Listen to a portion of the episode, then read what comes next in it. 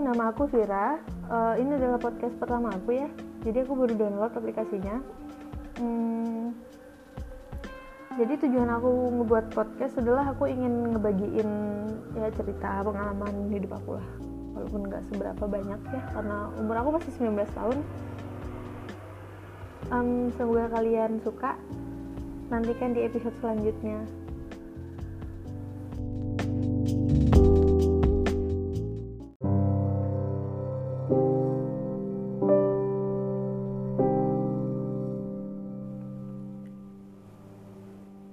Aku. Aku lahir dari keluarga yang berantakan sejak aku belum ada. Dan aku tumbuh besar dalam rasa penasaran.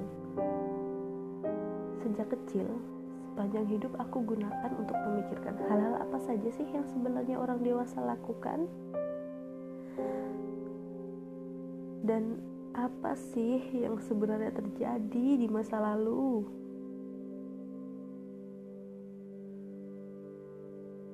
Ah, singkat cerita, semakin bertambah dewasa sedikit demi sedikit aku mulai mengerti apa itu kehidupan dan pahitnya kenyataan.